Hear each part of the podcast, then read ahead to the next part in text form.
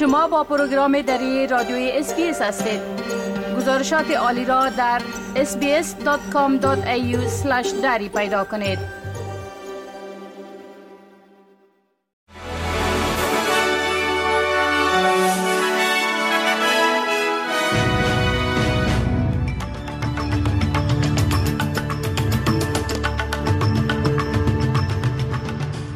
سلام من فضیلت تصمیم هستم و شما را به شنیدن مهمترین رویدادهای روز دعوت می کنم. سازمان ملل متحد می گوید وضعیت انسانی در غزه در حال بدتر شدن است و رساندن آب و کمک ها به دلیل درگیری های جاری به خطر افتاده است.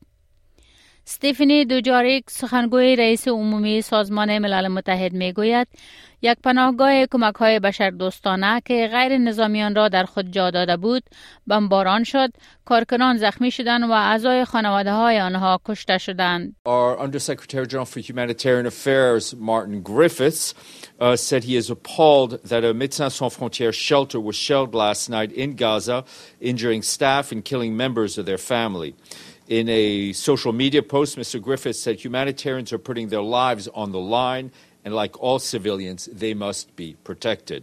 او میگوید دسترسی نداشتن به آب و مسائل صحی مردم غزه را تهدید می کند و حدود 83 درصد از چاهای آب آب ندارند و هیچ یک از تصفیه های چاهای فاضلاب کار نمی کنند. بنی گانتر عضو کابینه جنگ اسرائیل می گوید مذاکرات در مورد توافق جدید برای آزادی گروگان ها از غزه در میان مذاکرات منطقه‌ای برای تضمین توقف جنگ در حال پیشرفت است. There are ongoing attempts to promote a new hostage deal and there are promising early signs of possible progress.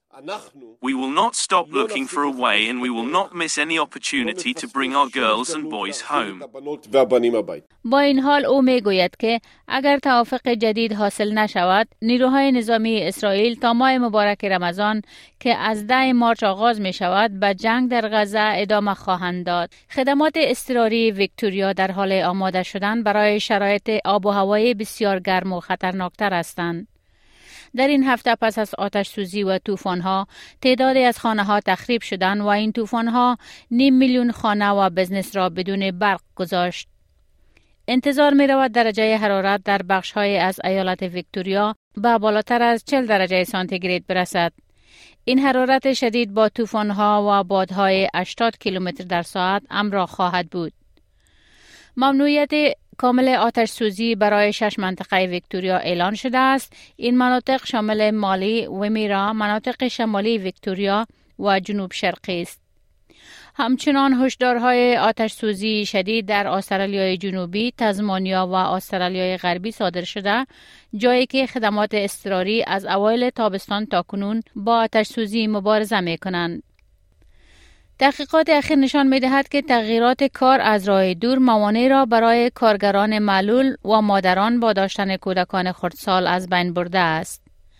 این افراد شاهد افزایش استخدام در مشاغل هستند که از سال 2020 به این سو به کار از راه دور تبدیل شده است. مراقبان از افراد معلول و سالمندان و افراد مبتلا به بیماری های صحی نیز از تغییرات ناشی از این بازار کار قوی بهرهمند شدند. در تمام صنایع 37 درصد از کارگران به طور منظم از خانه کار می کنند. این در مقایسه با 5 درصد در سال 2016 است. یک برنامه آموزشی جدید نیروی کار تکنولوژی و فناوری را تقویت خواهد کرد.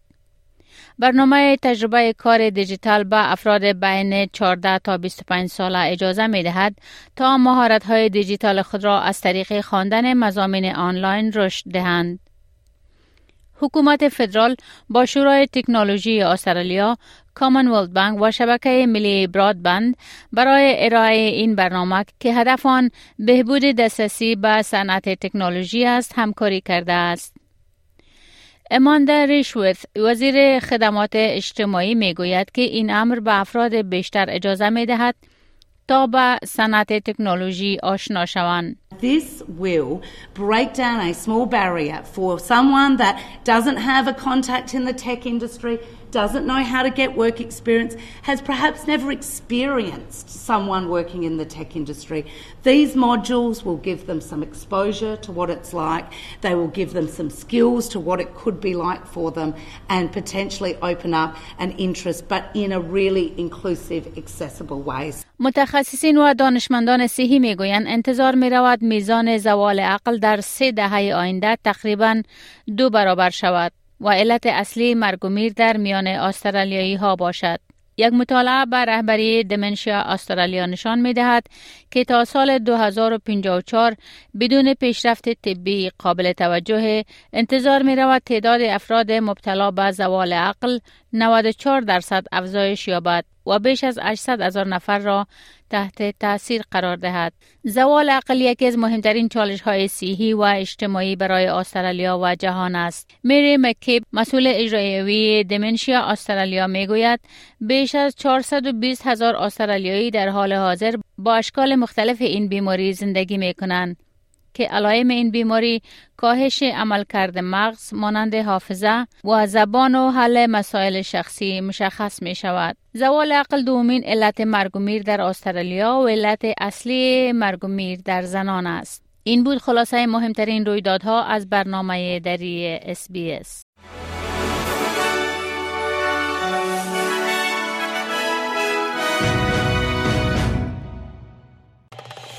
بپسندید شریک سازید و نظر دهید. اسپیس دری را در فیسبوک تعقیب کنید.